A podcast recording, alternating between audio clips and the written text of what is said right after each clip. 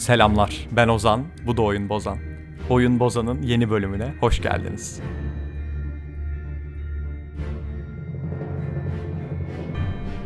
Bugün Hades'ten bahsedeceğiz. Dürüst olmak gerekirse bölüm numaralarının pek bir işlevi yoktu. O yüzden ben de kurtuldum gitti. Artık numaralandırmıyorum.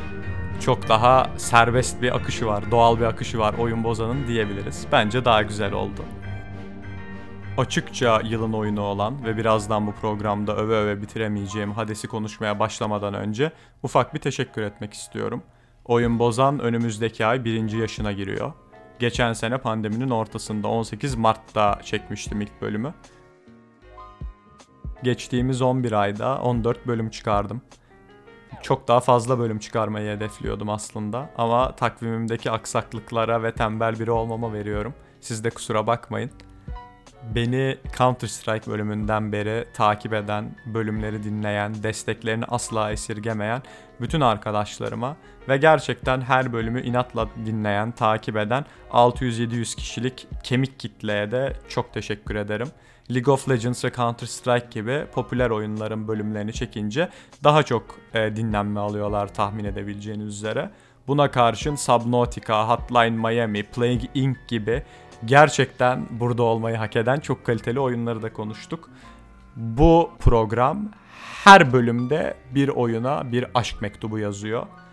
Umarım siz de buradan sevdiğiniz, hoşunuza giden bir oyun bulabilmişsinizdir. Beni en çok mutlu edecek şey bu olurdu herhalde. Kısaca dinlediğiniz için çok teşekkür ederim. Hadi şimdi biraz yılın oyununu konuşalım. Super Giant Games'in Bastion e, Transistor ve Pyre'dan sonra dördüncü oyunu Hades ve gerçekten inanılmaz kaliteli bir oyun. Supergiant Games iki kişilik bir yapım ekibi olarak kurulmuş ufacık bir stüdyoydu. Bastion'ı çıkardığında. Ben o zaman da Level dergisini çok yakın takip eden bir oyun sever olarak Bastion'ı orada okumuş ve almıştım inanılmaz güzel bir soundtrack'i, çok kaliteli bir narrator'ı ve çok orijinal bir karakter gelişim karakter gelişim sistemi vardı. İşte tam olarak mesela nasıl bir Sabahattin Ali kitabını Sabahattin Ali'ni yazdığını anlamak, onun sesini yazıda görebilmek mümkünse tıpatıp aynı şekilde Super Giant'ın Bastion'dan kalan imzasını o iki kişilik şu anda şirketin CEO'luğunu, kreatif direktörlüğünü yapan iki kişilik ekibin Hades'teki devasa etkisini görmek de çok kolay, çok mümkün. Tamamen onların vizyonuyla 10 sene önceki vizyonlarıyla yapılmış bir oyun olduğu çok belli. Hades'te Zagreus'u kontrol ediyoruz. Zagreus Hades'in oğlu. Sebebini bilmediğimiz e, şekilde Hade, e, Zagreus yer altından kaçmaya çalışıyor ve roguelike türüne mensup bir oyun Hades. Yani her öldüğünüzde sıfırdan başlamanız gerekiyor. Yeraltının katmanlarını hack and slash tarzıyla yani düşmanlara vura vura çıkmaya çalışıyorsunuz. Şimdi tahmin edebileceğiniz üzere bir şey yılın oyunu olduğunda çok fazla pozitifi oluyor doğal olarak. Hades'in aşırı fazla pozitifi var. Hades'in dövüş mekanikleri çok iyi. Soundtrack'i mükemmel. Hades çok cilalı bir oyun yani tamamen bitmiş, tamamlanmış, bir tık daha üzerine hiçbir şey konmadan da kusursuz bir şekilde oynanabilecek bir oyun. Tabii ki Hades'i Hades yapan bir unsur var. Gerçek başarısının arkasında yatan sır. Bu bölümde en çok ondan bahsetmek istiyorum. O da kısaca sanırım hikaye anlatma elementleri, storytelling elements olarak e, özetleyebiliriz. Günün sonunda Hades Yunan mitolojisinin evreninde geçiyor. Yani zaten var olan karakterleri kullanıyor. Büyüklü küçüklü birçok Yunan mitolojisinden figür ödünç alıyor. Bununla beraber yapımcıların bu mitleri oyuna mükemmel bir şekilde yedirmesi, harika sentezlemesi oyunu güzel yapan şey zaten. Her şeyden önce bunu karakterler altında incelemek istiyorum. Oyun boyunca Olimposlular ve bilimin farklı mitolojik figür yeryüzüne kaçabilmeniz için size yardımcı oluyor. Burada maceramız boyunca karşılaştığımız karakterleri 3 kategori altında ele almak istiyorum. Çünkü neredeyse yapımcı ekibinde duruma böyle yaklaştığını düşünüyorum. Bu zaten var olan ünlü figürleri kendi oyunlarına adapte etmeye çalışırken.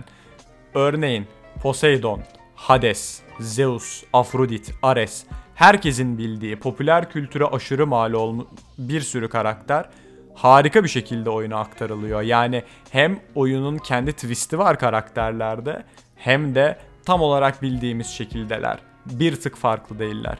Sonra ikinci kategori karakterler geliyor. Yani popüler kültürde daha önce muhtemelen betimlemelerini gördüğümüz ama öyle aman aman da günümüzde bir üne sahip olmayanlar. Burada Teseus'u aşırı kibirli yaparak, Aşil'i bizim hocamız, mentorumuz, sakin, senseyimiz tadında biri yaparak, Nix'i resmen annemizin yokluğunda bir anne figürü yaparak, Sisyphus ve Patroklos gibi karakterlere bile yer vererek çok başarılı bir karar verdiğini düşünüyorum Supergiant Games'in. Çünkü bu üçüncü kategoride hiç bilinmeyen, hiç duyulmamış veya mitolojide çok az yer alan karakterlere çok fazla oyuna mükemmel bir şekilde oturma imkanı vermiş. Yani Megara veya Asterius gördüğünüzde, Dusa gördüğünüzde demiyorsunuz bunu da götlerinden uydurmuşlar Yunan mitolojisiyle ne alakası var bunun diye. Bunlar mitolojide büyük yerler kapla Zagreus'un ta kendisi bilhassa. O kadar güzel oturtulmuşlar ki Yunan mitolojisinin evrenine ve bu oyunun genel düzenine. Skelly'den bahsedebiliriz mesela bu konuda. Thanatos ve Zagreus'un ilişkisine hiç dokunmuyorum bile. Peki bu karakterleri falan kategorize ettik ama hikaye anlatımı nasıl gerçekleşiyor? Asıl ondan bahsedeyim. Bölümü bitirdiğinizde, bir zindandan kaçmayı başardığınızda, bütün düşmanları yendiğinizde karşınıza bir tanrının kristali çıkabiliyor bazen. Bu tanrının size ettiği bonus bir güç gibi bir şey olarak düşünebilirsiniz. Ve bu sırada gerçekleşiyor bu diyalog. Siz gidip kristale dokunduğunuzda karakteriniz normalde oyun oynadığınız izometrik bakış açısında birazcık karanlık bir şekilde arka planda kalırken ön tarafta Tanrı'nın görkemli bir artwork'ü, portresi geliyor ve harika bir ses sanatçılığı eşliğinde Tanrı'nın konuşmasını dinliyorsunuz. Size e, neden yardım ettiğinden bahsediyor olabiliyor. Genellikle tanrılar kendi karakteristik zevklerinden bahsediyor oluyorlar. Mesela Ares ne kadar fazla şey öldürdüğünüzden ve savaşa yaptığınız katkıdan memnun olduğunu belirtiyor. Hermes geliyor ve yer altına gidip gelen haberci olarak sırrınızı sizin için gizli tutacağını söylüyor. Diyalogların hepsi tanrılara tematik olarak mükemmel şekilde yazılmışlar. Bir de üstüne üstlük gerçekten komikler. Espriler kaliteli. Devamlı panlar yapılıyor. Oyunu oynamak ve hikayeyi takip etmek büyük bir keyif. Tabii ki Hades'in numaraları burada da bitmiyor. Girdiğiniz bütün zindanlar her seferinde rastgele oluşturulmuş oluyor. Boss fight'lar zaman zaman değişiyorlar ama asıl olay şu. Benim oyunda 55 run'ım var. Yani 55 kere yer altından kaçmaya çalıştım. Ve bu 55 seferin 55'inde de mesela Athena ile 37 kere karşılaştıysam bu kaçış denemelerim sırasında Athena'dan bir kere bile tekrar eden aynı şeyi söylediği bir diyalog duymadım. Senaryonun kendini devamlı olarak güncelleyen, devamlı olarak yenileyen, sanki sizinle beraber dünyada gelişiyormuş ve yaşıyormuş, yaşananlara tepki veriyormuş gibi hissettiren mükemmel bir atmosferi var. Hades'in evinde resmen ufak bir aile kurmuşlar size ve siz bu ailenin bir parçası olmaktan, Zagreus olmaktan çok büyük bir keyif alıyorsunuz. Burada hepsinin adını vermek istemediğim bir sürü ünlü mitolojik figürle oyun içinde karşılaşmak, onların dertlerini dinlemek ve size yardımcı olmalarını izlemek size iyi hissettiriyor. Kendinizi gerçekten bu mitolojinin bir parçası gibi hissediyorsunuz. Hem de oyun çok keyifliyken yaşanıyor bu. Bu çok özel bir his. Bunu oyunlar nadiren başarabiliyor. Genellikle bu tarz roguelike oyunların şöyle bir problemi vardır.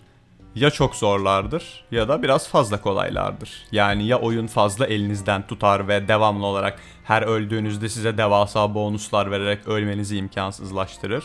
Ya da yani o kadar zordur ki insanı çileden çıkarır.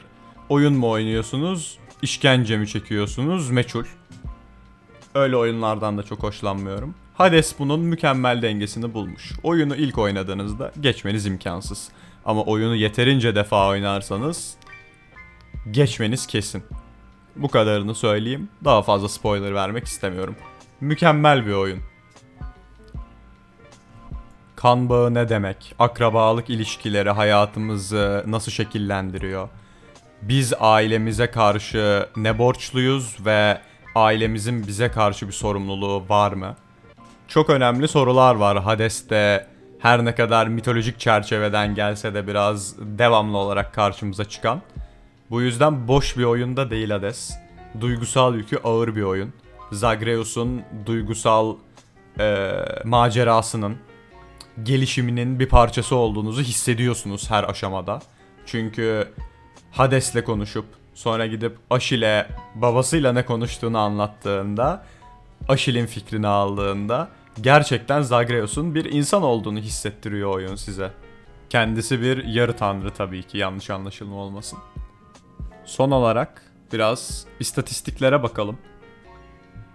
Hades Steam'de 116 bin yorumla %98 pozitif rating alarak gelmiş geçmiş en yüksek ratingli oyunlardan biri.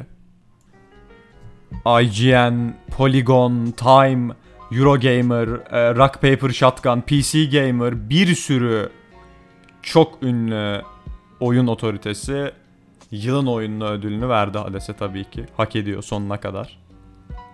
Metacritic'te 93 skoru var. Bunların üstüne Hades 25 Amerikan doları ve Türkiye'de Steam Türkiye'de yalnızca 40 liraya satışta. 40 liraya onlarca saat oynayabileceğiniz en iyi oyun deneyimlerinden biri için değecek güvenin bana. Oyun Bozan'ın gelecek bölümünde görüşmek üzere.